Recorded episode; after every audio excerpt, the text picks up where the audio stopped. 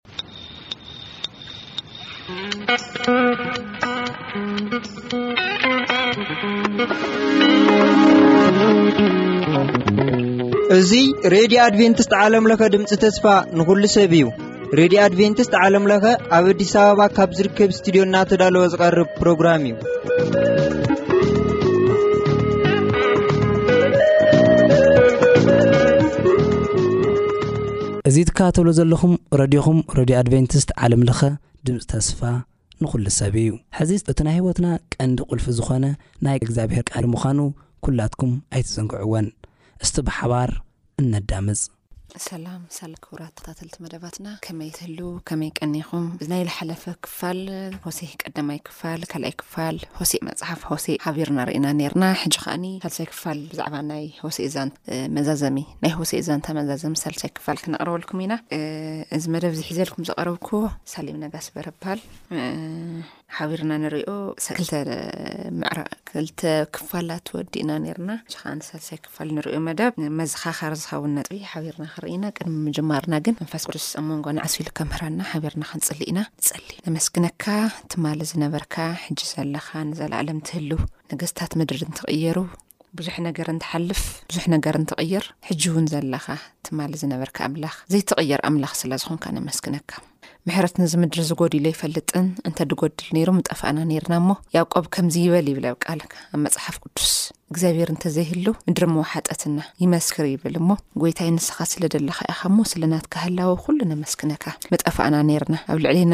ዝተወልዐ ኩሉ መዋሓጠና ነይሩ እሞ እግዚኣብሔር ኣምላኸይ ናትካ ምህላው ኢና ብህይወት ክንጸንሕ ጌርና እሞ ስለቲ ብህይወት ክንህሊ ዝፈቐድካልና መንገዲ ኩሉ ነመስግነካ። ሕጂ እውን ጎይታይ እዚ ቓል እዚ ዝሃብካና ስለ ዘድለየና እዩሞ ንትምህርቲ ክኾነልና ህይወት ክንሰርዐሉ ፍረ ክነፍረየሉ ስቕ ኢሎም ከም ንዘለኣለም ኣብ ቤትካ ከም ዝመላለሱ ለይኮነስ ከምዚ ፍረ ተኽሊ ሓደ ፍረ ተኽሊ ትዘርእ እሞ ፍረ ከፍርየልካ ከምቲ ብደንቢ እንትንከባኸቦ ጎይታይ እቲ ትህበና ቃል ኩሉ ደልዩ ዓይነት ፍርያት ሒዙ ክወፅእ ንስኻ ከም ፍቓድ ወድኻ ሓግዘና። መኣድታትና ኩልኻን ፍቓድካ ጌርካ ባረኮም ንዕለት እንጌራ ስለ ዝሃብካና ነመስግነካ ኣይትፈለየና ብሓደ ወድኻ ብየሱስ ስም ኣሜን ናይ ሎም መዓንቲ ሳልሳይ ክፋል ሆሴእ ምዕራፍ ብዝሓለፈ እንታይ ርኤና ነርና ኣሕዋት መጀመርያ ሆሴእ ማለት ብሸውዓተ ሚእትን ዕስራን ሓደን ቅድሚ ለተ ክርስቶስ ዝነበረ ሰማርያ ቅድሚ ምውዳቓ ዝነበረ ነብዪ ድሕሪ እዚ ድሕሪ ነቢ ኣሞፅ ዝነበረ ሰብ እዩ ኣብ ሰሜናዊ መንግስቲ እስራኤል ዝነበረ ሰብ ሰባኺ ወይ ደሞ እግዚኣብሔር ዝተጠቕመሉ ነብ እዩ ነይሩ ኣብቲ ሽዑ ሰዓት ጓል ሓደ ጥዑ ሰብ ከም ዘይነበረ ምንዝርን ደቂ መናዘርን መሊኡ ዝነበረሉ ኸተማ ዋል ሓደ ንእግዚኣብሔር ዘገልግል ኣካል ኣብ ዝተስኣነሉ ሓደ ኩኢኹም ዘይትረኽ ዋል ሓደ ወይኒ ተዘሪኡስ ዕሾኽ ድወቕለሉ ኸተማ ዳርጋ ነይሩ። ኣብ ከምዚ ዓይነት ሰዓት እግዚኣብሔር ነዚ ህዝቢ እዚ ዝኾነ ነገር ክገብር ሓደ ነብዪ ኣልዒሉ እዚ ነብዪ ንሱ ለባይ ዝወይ ቁጥዕ ነይሩ በቃ ብጣዕሚ ይናደድ ነይሩ ንስለምንታይ ኣብ ልዕሊ እግዚኣብሔር ከም ዝገብሩ ንምንታይ ብ ቅድሚ እግዚኣብሔር የመንዝሩ ንምንታይ ካልእ ኣምላኽ ይገልግሉ ንካልእ ኣምላኽ ንምንታይ ይሰግዱ ብዝብል ብዙሕ ነገር ይገብሩ ነይሮም እና ክንርኢ እንከለና እዚ ሰብ እዚ እግዚኣብሔር ብናይ ባዕሉ ህይወት ክጥቀም ከሎ ብናይ ባዕሉ ብናይ ሆሴዕ ህይወት ተጠቒሙ ነቢይ ዝበሃል ናይ እግዚኣብሔር ሰብ ኣመንዝራ ንኽእቱ ሕጃታ ሰብሳ ሰበይቲ ንሳ ኣመንዝራ ነራ ይብል ኣብቲ ቀድማይ ክፋል ከም ደቕረብኩልኩም እዚ ኣመንዝራ ንሳ ንመን ትውክል ነቲ ዘመንዘረ ህዝቢ ተወክል ነይራ ሆሴዕ ከዓኒ ኣብ ናይ እግዚኣብሔር ቦታ ከይዱ ንዛ ኣመንዝራ ክምርዓዮ ከሎ እግዚኣብሔር ከዓኒ ምስ ምንዝርንኦም ከም ዝተቐበሎ ምስቲ ሓጢኣቶም ንሳ ከዓ ንምስ ሓጢኣታ እግዚኣብሔር ሕጅስ ምስ ሓጢኣት ምንም ዘራኸቦ ነገር ይብሉ ንሓጢኣት ይልሰል እምበር ንወዲ ሰብ ዝፀለሉ መንገዲ ይብሉ ግን ከነ ሓጢኣታ ከድፍተዋ ክብሎ ከሎ ንሪዮ እግዚኣብሔር ከዓ ነዚ ከምዝደበለ ህዝቢ ምስ ሓጢኣት ከም ዝፈትዎ መርዓ ሆቲኤን ስድርኡን ገሊፀልኩም ነይረ ንእስራኤል ዝተውሃወ ቆሳ ስለምንታይ ተገልግሉ ኣምላኽ ካልእ ትመርፅ መጨረሻ ግን እንታይ ይቐርዩ ነይሩ? ቃልም ንስሓን መፅባዕን ይብል ተነሲሖም ይብል ግን ሓሶት እዮም ተነሲሖም ናይ ብልቦም እዩ ተነስሑ ስለዚ ነዚ ከዓ እግዚኣብሔር ሱቅ ክብል ክኸል ኣሎ ፈልጦ እዩ ይፈልጦ እዩ ስለ ተነሲሖም ደለዎስ ካብታ ሻዕ ዘጋጠመቶ መንከራ ንምውፃእ እምበር ንእግዚኣብሔርስ ኣይሰግድሉን ኣየገልግልዎን ስለዚ እግዚኣብሔር ከዓ ንሱቕ ከም ደሎ ሱቕ ማል ከምማል ከም ዝመረፀ ይርእየና እና ሱቕ ዝበለሉ እዋናት እቶም ሱቕታ ናይ እግዚኣብሔር ታይታ እዮም ተፈጢሮም ልብል ኢና ሕጂ ክነቕርብ እንታይ እንታይ ተፈጢሮም ወሲልኩም ኣብ ልዕሊ እፍሬም ኣብ ልዕሊ ይሁዳ ዘየለ ማህሰይቲ እዩ ተፈጢሩ ካብ ግብፂ ዘውፅእ ኣምላኽ እቲ ክባሓሪ ኤርትራ ዘሳገረ ኣምላኽ እቲ ባሓሪ ዮርዳኖስ ኣሳጊሩ ከነኣን ዘውረሰ ኣምላኽ ኣብ ከተማኦም ከዓ ንዋላ ሓደ ከይቀርም እሞ እቲ ዝቐረዩ ኣካላት መጥፍኦም ከይከውን ኢሉ መንገዲ ኣፅርዩ ዘእተወ ኣምላኽ እንታይ ክገብር ከሎ ንርኢ ብዙሕ ነገራት ከበላሽ ከሎ ንርእና ኣብዚ መጨረሻ ክፋል ከዓኒ እዚ ቁጥዐ እዚ ክቕንስ ከም ዘለዎ ንክቕንስ ግን ተክገብረ ኣለዎ በደል እፍሬም ናብ ቅድሚ እግዚኣብሔር ክቐረበ ኣለዎ በደል ይሁዳ ብንስሓ መልክዕ ናብ እግዚኣብሔር ክቐረበ ኣለዎ ግን ዋላ ሓደ ሰብ ዋላ ሓደ ሰብ ኣብ ምዕራፍ ዓሰርተ ፍቕዲ ዓሰርተ ክልተ ምዲበልኩም ነይረ ፅድቂ ክስካብ ዘዝነበልኩም ዝተፀበዩ ኢልዎ ፅድቂ ክዘነበሎም ግን እንታይ እዮም ክገብሩ ነይርዎም እዞም ኣህዛብ እዚኦም ምሕረት ናብ ኣምላኽ እዮም ከቕርቡ ዘለዎም ስለዚ እንታይ ይብለና ዋላ ሓደ ብቕንዕና ከም ዘይቀረበ ስለዚ ዓመፀብ ልዕሊ እዞም ኣህዛብ እዚኦም በርቲዑ ማለት እዩ ግን እንታይ ንርአውዚ እዚ ቁጥዐ ኣብ ልዕሊ እስራኤል ዝበፅሐ እግዚኣብሔር ፈትዩ ዶ ይመስለኩም ዘብዝሐሎ ክምሃሩ ስለ ዝደለየ እምበር ፀሊእዎም ኣይኮነን ክምህሮም ዝግብኦ ከዓኒ ንሱ በዓሉ እግዚኣብሔር ስለ ዝነበረ ዋላ ሓደ ልምህሮም ኣይነብሩ እቶም ዝሰግዱሎም ጠቕታት ዝዛረቦ ይነብሩ ዝሰምዖ ይነበሩ ዋላ ሓደ ነገር ዝመልሶ ይነብሩ ግን እንታይ ነይሩ ሓጢኣት እስራኤልን ይሁዳን ምእንቲ ክገድፍዎ ዳግም ናብቲ ሓጢኣት ከይምለሱ ምእንቲ ኣምርር ዘብል ቐፅዓት ቀፅዕዎም ግን ከምቲ ንፈልጦ በቃ ኣምሲሎም እዮም ነብተ ድበሃል ግን እንታይ ይብል ኣብ ምዕራፍ ዓሰርተ ሓደ ከይድና ኣንተ ኣፍሬም ኢሉ ከመይ ኢለ ይሓድገካ እስራኤል ከመይ ኢለ ክሓልፈካ ከመይ ገይረኸ ከም ኣዳም ክድርበየካ ከመይ ከ ከምቲ ሲባዮ ክገብረካ ምክንያቱ እቶም ዝሓለፉሉ ተደርበዩ እግዚኣብር ኣብ ልዕሊኦም ዘውረዶ ቁጥዐ እንዳዘከረ እዩ ዝነግሮ ደሎ ከመይ ጌረስ ከምኦም ክገብረካ ልበይ ሰብ ውሽጠይ ተናወፀት ከፍኢካ ብዝረእኹ ቁፅርስ ምክንያቱ ኣብ ኢሳያስ መፅሓፍ ከይትና ክንሪኦ ከለና ኣብ ፀበኦም ዝፀቦመን ነይሩ እግዚኣብሄር ነይሩ ኣብ ምድሪ ዘለው ዋላ ሓደ ፅቦም ኣይነበረን ምክንያቱ ኣዶ እስካብ ትጭፍልቕ ክፍኣ ተብልዕሊ ዝከተማ ክስካብ ዝስልጥን እስከ እቶም ዝጽልዩሎም ዝጠርዕዎም ስምዑና ዝብልዎም ጣኦታት ዶ ተዛሪቦም ነይሮም ይመስለኩም ሽዑ ኣይተዛረቡን ኣይፈልጥዎምን እያ ኣይፈልጥዎምን እስከ ተድሒኖምዎም ኢሉ ሱቕ ኢሉ ግን እግዚኣብሔር እዚ ህዝቢ እዚ ከምዚ ኢሉ ናብ መፈተና ክእትዎ ከሎ ና ትምህርቲ ክኾነ ኢሉ ዝሰደዶ መፈተና ሲ በቃ ክኸፍኦ ከሎ ርእዎ እግዚኣብሔር ስለዚ ናቲ ክፍኣት ከዓኒ ይሕዝኖ እዩ ይሕዝኖ እዩና ስለዝታ ክገብር ኣለዎ ማለት እዩ ክወፅሐሉ ክኽእል ኣለዎ እግዚኣብሔር ግን እንታይ ገይርዎ እዩ እንታይ ገይርዎ ይብል? እዚ ክኾነልኩም ግን እቲ ትዘርእዎ ጽድቂ ይኹን፣ ናይ ጽድቂ ጽድቂ፣ በቃ ጽድቅኻ ዘሪእኻ ኢኻ ጽድቂ ትዓጽድ፣ ትዕቢት ሓጽ ዘሪእኻ ግን ሞት ኢኻ ትዓጽድ። ስለዚ ካብ ዝውጹ ካብ ትዕቢት፣ ካብ ሓጢኣት፣ ካብ ዓመፃ፣ ካብ ምንዝራ፣ ካብ ዝተፈላለዩ ነገራት ውፅ ይብሎም ነይሩና ኣብዚ እንታይ ንርኢ ኣይተመለሱ ነይሮም። ግን መን እዩ ተመሊሱ ናብኦም? እግዚኣብሔር እዩ ተመሊሱ። እግዚኣብሔር በዓሉ ተመሊሱ ቁጥዕኡ ስለለይኸኣሎ ታይበለ ኣብ ምዕራፍ ዓሰርተ ሰለስተ ከዓ ንመወዳእታ ቅድሚ ምዝዛመይ ኦ እስራኤል ኣብ ልዕለይ ኣብ ልዕሊ ረዳኢኻ ስለ ዝተለዓልካ ኸትጠፍእ ኢኻ ኣብ ኩሉ ኸተማታት ከድሕነካስ ንጉስካ ኣበይ ኣሎ ሓደ ንጉስ ንጉስ ኣሕሎቕ ሃበኒ ኢልካ ዝተናገርካዮ መሳፍንትኻ ኣብ ኣበይ ኣለዉ ብቝጣዐይ ንጉስ ሃብኩኻ መዓት እውን መዓተይ እውን ስዒሩከ በደል እፍሬም ተኣሲሩ ኣሎ ሓጢኣት ድማ ተኣኪቡ ኣሎ ከም እትሓርስ ሰበይቲ ሕማም ሕርሲ ክመጾ እዩ ኣብ ዝወለደሉ ግዜ ብኣፍ ማህፀን ቀኒዑ ኣይመጽእን እዩ እሞ ኣእምሮ ዘይብሉ ወዲ እዩ ካብ ኢድ ሲኦል ከናግፍ እየ ካብ ሞት ተበዡ እየ እሞ ሞት መቕሰፍትኻ ኣበይ ኣሎ ኦ ሲኦል ጥፍኣትካ ኣበይ ኣሎ ርህራሀ ኣብ ዒንተይ ተሰወረ ኣብ ማእኸል ኣሕዋት ፍርያማ እንተኾነ እኳ ንፋስ ምብራቕ ክመጽእ እዩ ንፋስ ካብ ምድረ በዳ ክመጽእ እዩ ንዓይኒ ማይ የድርቆ ነቲ ወሓዚ ድማ የንጽፎ ኩሎም ዝኸበሩ ኣቑሑ ዘለው መዝገብ ይዘምት ኣብ ሰማርያ ኣብ ልዕሊ ኣምላኽ ዓሚጾም እዮም እሞ በደል ክስከሙ እዮም ብሰይፊ ክወድቁ እዮም ህፃናት እውን ክጭፍለቑ ጥኑሳት ኣንስቶም ድማ ከብደን ክቕደዳ እየን ይብል ቁጣዕ ናይ እግዚኣብሮ ልዕሊ እስራኤል ዝበፅሐ እዩ እንታይ ብምግባሮም እዩ ቅድሚኡ ሓቢረልኩም ነይራ ገሊፀልኩም ነይራ ናይ ምድሪ ነገስታት ኣሚኖም ንናይ ምድሪ ጣኦታት ኣሚኖም ብናይ ባዕሎም ኣጀንዳ ከይዶም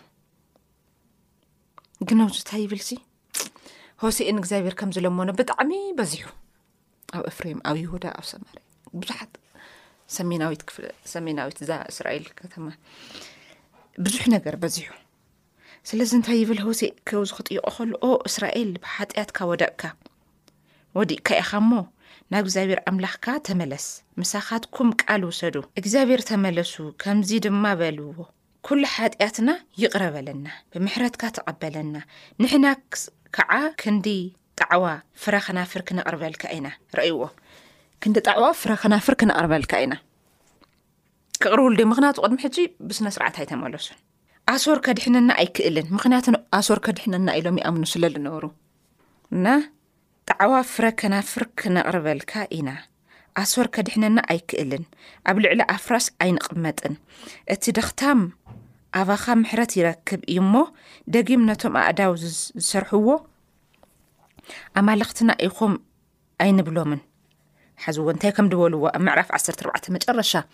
ምሕረት ንእስራኤል ናብ እግዚኣብሔር ክምለሱ ከም ዝለመኑ ከም ዝለመኖ መን ህዝቢ እስራኤል ክምለስ ግን ህዝቢ እንታይ ኢሉ ክደግመልኩም ኦ እስራኤል ብሓጢኣትካ ወዲእካ ኢኻ እሞ ናብ እግዚኣብሔር ኣምላኽካ ተመለስ ምሳኻትኩም ቃል ውሰዱ ናብ እግዚኣብሔር ተመለሱ ከምዚ ድማ በልዎ ኩሉ ሓጢኣትና ይቕረበለና ብምሕረትካ እውን ተቐበለና ንሕና ከዓ ክንዲ ጣዕዋ ፍረ ክናፍርና ክነቕርበልካ ኢና ኣሶር ሓደ ኣሶር ከድሕነና ኣይክእልን ደስ ድብል ዛንታ ምክንያቱ ብነገስታት ምድሪ ይእመኑ ዝነበሩ ሰባት እዮም ኣብ ልዕሊ ኣፍራስ ኣይንቕመጥን እቲ ደኽታም ኣባኻ ምሕረት ይረክብ እዩ እሞ ደጊም ነቶም ኣእዳው ደጊም ነቶም ኣእዳው ዝሰርሕዎ ኣማልኽትና ኢኹም ኣይንብሎምን በልዎ እግዚኣብሔር ንእስራኤል ሓድሽ ህይወት ከም ዘተስፍዎ ይብል ድሕሪ እዩ ምክንያቱ ምሕረቱ ደቂቕ ኣይፀንሕን እዩ ደቂቕ ከም ዘይፀንሕ ይነግረና ቁጣዓይ ካብኣቶም ተመሊሱ እዩ እሞ ኣነ ንዓመፀኦም ክፍውሶ እየ ብፈቓደይ ብልቢ ክፈትዎ እየ ኣነ እስራኤል ከም ኣውሊ ክኾኑ እየ ኣሜን ከም ፅቡቕ ዕምበባ ክዕምብብ እዩ። ከም ኣእዋም ሊባኖስ ከዓ ሰራውር ክሰድድ እዩ። ጨናፍር ይዝርግሓ፣ ጽባቐኡ ከም ኣውሊዕ መዓዝኡ ከም ሊባኖስ ክኸውን እዩ። እቶም ኣብ ትሕቲ ጸላሉ ዝነብሩ ክምለሱ እዮም፣ ብእኽሉ እውን ክጸግቡ እዮም። ከምቲ ተኽሊ ወይኒ ይዕምብቡ መዘከርትኦም ድማ ከም ወይኒ ሊባኖስ ይኸውን ኣሜን መዘከርታ ዘይነበረሎም ተረሲዖም ዝነብሩ ሰባት ኣይፈልጠካን ኣይናተይን ኣይነገደይን ኣይዘርእየን ዝተባሃለ ዝነበረ ሰብ ሕጂ እንታይ ኢልዎ መዘከርትኦም ድማ ከም ወይኒ ሊባኖስ ክኸውን እዩ ምሕርት ዘይግብኣካ ደይ ውሉደይ ኣብ ልዕሊኻ ከምዚ ክገብረ ዝብሎ ዝነበረ ሰብ ሕጂ ጨናፍሩ ክዝርግሖ ከም ኣውሊዕ ከጸብቆ መዓዝኡ ኸኣ ንከም ሊባኖስ ክገብሮ ኣብ ትሕቲ ጽላል ድማ ከምብሮ ክመልሶ ብእኽሉ እውን ከጽግቦ ከም ተኽልዊ ወይኑ እውን ክዓንብቦ መዘከርትኡ ከም ሊባኖስ ከኣ ከገብሮ እየ ክኸውን እዩ ካብ ደጊም ጣዖት ንእፍሬም እንታይ እዩ ኣነ ሰሚዐ ኣለኹ ናብኡ ድማ ክጥምት እየ ኣነ ከም ዝለምለመ ፅሕዲ እየ ፍረኻ እውን ኣባይ እዩ ዝርከብ እግዚኣብሔር ባዕሉ እዩ ዝዛረብ ደሎ ብነቢ ሆሴ ገይሩ ይዛረብ ኣሎ ፍረኻ ኣባይ እዩ ዝርከብ ሕጂ ይሰግዱ ነይሮም ናብ ጣዖታት ሓቂ ምስ ሰገዱ እንታይ እዮም መጥርዮም ሞት ሞት እዮም መጥርዮም ናብ እግዚኣብሔር ግን ኣነ ከም ዝለምለመ ፅሕዲ ክገብረካ ኢሉ ዘይገብሮ ከዓነ ኣይዛረብን እግዚኣብሔር ገይርዎም እዩ ኣብ እስራኤል ዘመን እስከ ብእስራኤል ሲ ብታሪክ ዛን ተኸይድኩም ክተንብ ከለኹም ይሕዋት ኣርባዓ ዓመት ሙሉእ ኣርባዕተ ሚእቲ ዓመት ሙሉእ ኣብ ግብፂ ተገዚኦም ዶሓቀይ ራብዓይ ትውልዲ ይብል ናምንታይ ተመሊሶም ካብዚ ራሄል ሓራስ ምድሪ ጥንስቲ ምድሪ ጭቃ እንዳለወሰት ጥንስቲ ምድሪ ጭቃ ትለውስ ዝነበረት ሰበይቲ ጥንስቲ ምድሪ ጭቃ እንዳለወሰት ጡብ ትሰርሕ ነይራ እግዚኣብሔር ግን መሪ ግን ተለማሚዶሞ ክገርመኩም እዚ ከምዚ ምንባርስ ተለማሚዶሞ እግዚኣብሔር ግን ይጨንቆ ነይሩ ክንዶ ኣፎም ግን እስካብቲ ናቶም ከድሕን ዝኽእል ኣካል እስካብ ዝውለድ ይፅበ ነይሩ እግዚኣብሔር ሙሴ ክስካብ ዝወልድ ሓቀይዶ ወፂኦም ኣውፅዎም ዓዶም ኣትዮም ንጉስ ህዎም ንጉስ እትዮም እቲ ንጉስ ከዓኒ ኣብ ልዕሊኦም ዝጭክን ኮይኑ ኸዱ እስካብ መወዳእታ ክዱ እቲ ዝኸፍአ ን6ሽ0 ዓመታት እስራኤላውያን ክግዝኡ ከለዉ ዘርኦም ኣብ ምድሪ ክብተን ከሎ ኣይፈልጠካን ኣይ ነገደይን ኣይ ዘርእይን ኣይ ዓለይተይን የናተይ የናተይ ተተባሂልካ ክኸፍእ ከምኡእኦም ተባሂሎም ነሮም ኣሕዋተይ ሓመድ እንዳሃለየካ ዓዲ እንዳሃለየካ ሃገር እንዳሃለየካ ከም ዝተቕበዝበዘ ከምዚ ረዳእ ከም ደይብሉ ዓለም ከም ለይትፈልጠካ ብትን ክትብል ከለኻ ስለምንታይ መስለካ ህዝበይ እግዚኣብሔር ብ ዘይርከቦ ምደንበ እንተ ደኣ ሃሊና እግዚኣብሔር ክመፅ ኣይክእልን ግን እንታይ ይብል መስ ኢልኩም ነቲ ከምዚ ኢሉ ዝተሰደደ ህዝበይ ስ ኢልዎ ንኢሳያስ ሳይድ ኢልዎ ኣብ ባቢሎን ከይዶም ንዝኡ ከለዉ ድሓን ድሕሪ ሰብዓ ዓመት ሰሓራ ከውፀእኩም እየ በልዎም ንገርዎም ኢልዎም ግን ኣጸናንዕዎ ካሊእ ነገር ከይገብር ከፍእዎ ናብ ሕማቅ ከይከይድ ብዙሕ ነገር መንገድታት ከይሓልፍ ንገርዎ ንህዝበይ ንገርዎ ኢልዎም ምክንያቱ ክምለስ እየ ንሱ እንተ ተመሊሱ ክምለስ እየ እቶም ኣብ ልዕሊኹም ዝጭክኑኹም ዘለዉ በዓለይ በዓለይ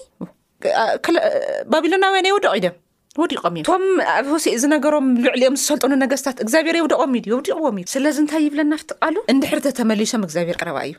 ባይዘወይ ዋላ ንሕና ንመለስ ኣይንመለስ እግዚኣብሔር ኩሉ ግዜ ቀረባ እዩ ቀረባ እዩ እግዚኣብሔር ኣምላኽ ርሑቅ ኮይነ ይፈልጥን ግን ከዓኒ ንድኻታት ዝሰማዕ ኣምላኽ ንኣኻ ልምንታይ ተዳሚፅካ ደይሰማዓካ ህዝበይ ከምዚ ሆሴእ ባይዘወይ ምስ ተዳመጸ እዩ እግዚኣብሔር በቃ ናይዚ ህዝቢ ጥፍኣት ዘጨነቆ ልክዕ ናይቲ ኣመንዝራ ሰወይቱ ጥፍኣታ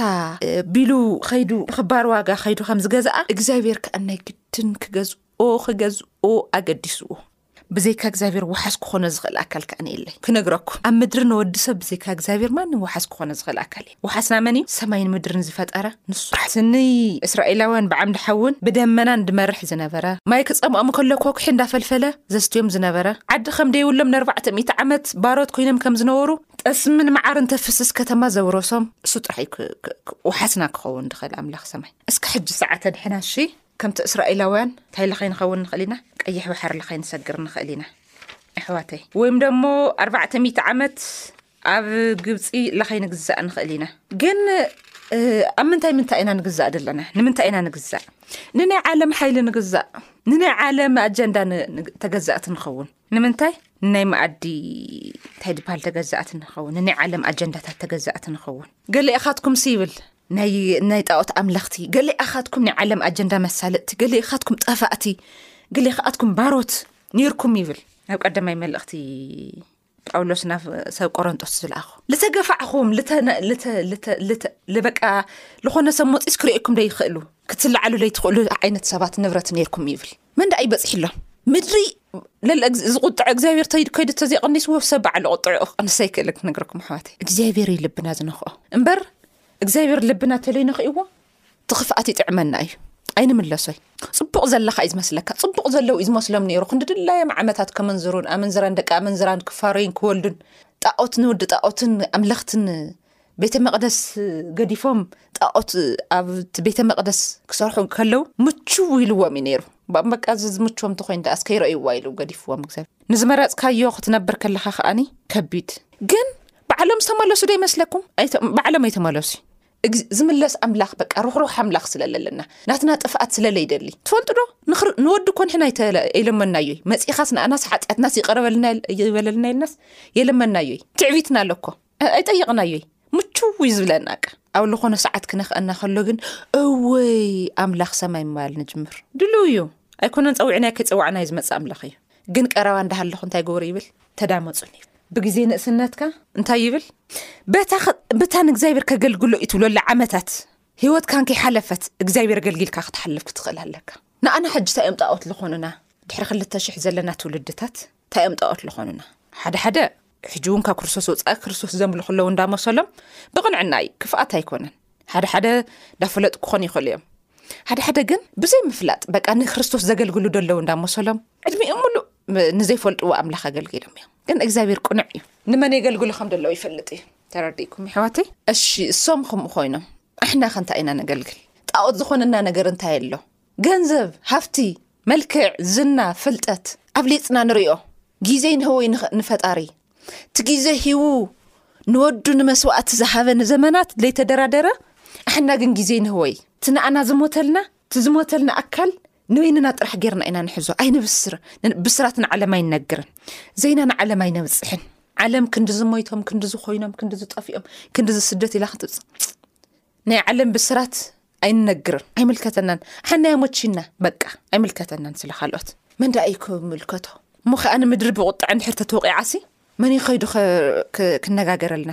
ከም ሆሴእ ኮይኑ ማእካላይ ኮይኑ ዘብፅሐልናስ መን እዩ ምሕረት ኣምላክ ክትለማመዶ ከለካ ዘይኮነማ ኩሉ ግዜ ሓድሽ ንምድሪ ከዓኒ ከም ቅብኣት እንዳፈሰሰ ዘለምልማ እንታይ ዲ ኢልዎ ከም ዝግባ ሊዋኖስ መዘከርትኻስ ንዘለኣለም ክገብሮ ኢልዎ ኣይፈልጠካ ንድውለድ ነበረ ቀደም ሕጂ ከስታውሰካ እየ ዘርእኻ ከም ዝነገረ እየ ድገብሮ ዝጠፍኡ ከም ናይ እስራኤል ነገድ ከም ደለዎ ትፈልጡ ኢኹም ሓቂ እፍሬም እፍሬም ጠፍኡ እዩ ጠፍኦም ጠፍኦም ግደፉ ክበሃሉ ከለዉ ጠፍኦም ስለምንታይ ምርጫኦም እዩ ሓደሓደ ግዜ እግዚኣብሔር ከዓ ንምጨራ ምርጫኻ እውን ይኽብር ይሕዋትይ ተረዲእኩም ይሕዋት ሓደሓደ ግዜ ኸ እውን እግዚኣብሔር ምርጫኻ ይኽብር እዩ ኣኽቢሩ ኣሎ ምርጭኦም ስለዚ ኣሕዋት መዘከርታና ከይርሳዕ ኣሓና ከኣ ንመዘከርታና ኣብ ሰማይ ዩ ክርከብ ደለዉ እዛ ምድሪ እዚኣ ሓላፊት እያ ብዙሓት ሓሊፎም እዮም ወጣትነት ዘመኖም ንእግዚኣብሔር ከየገልገሉ ኣንታ ወገን ህዝበይ ጳውሎስ እኮ እቶም ናይ እግዚኣብሔር ወንጌል ዝገብሩ መሳደዲ ዝነበረ ከሳድዶ ከሎ ንክርስቶስ እዩኮ ዘሳድድ ነይሩ ነዞም ኣህዛብ ኮ ኣይኮነን ግን ኣብ ዝኾነ እዋን ንጳውሎስ መን ከም ዝጸለየ ተስታውሱ ዶ እቲ ታሪክ ዝገብርዎ ይፈልጥን እሞ ይቕረበሎም ኢሉ ዝጸለየምን እዩ ብእምኒ ደርባ ቀጥቂ እታ ጸሎት እዚኣ ንጳውሎስ እያ ሰሪሓ ምኽንያቱ ትኽክል እዩ ዝመስሎ ነይሩ እቲ ዝገብሮ ዝነበረ ስራሕ የሕዋተይ በቃ ፅድቂ ንሶም ለኮ ንጥጣኦት ምግልጋል ፅድቂ እዩ ዝመስሎም ዘለዎ ቦታ ምቹ ትኽክል በቃ እግዚኣብሔር ዘሎ እዩ ዝመስሎም ግን እግዚኣብሔር ዝከበሉ ቦታን ዝግልገለሉ ቦታን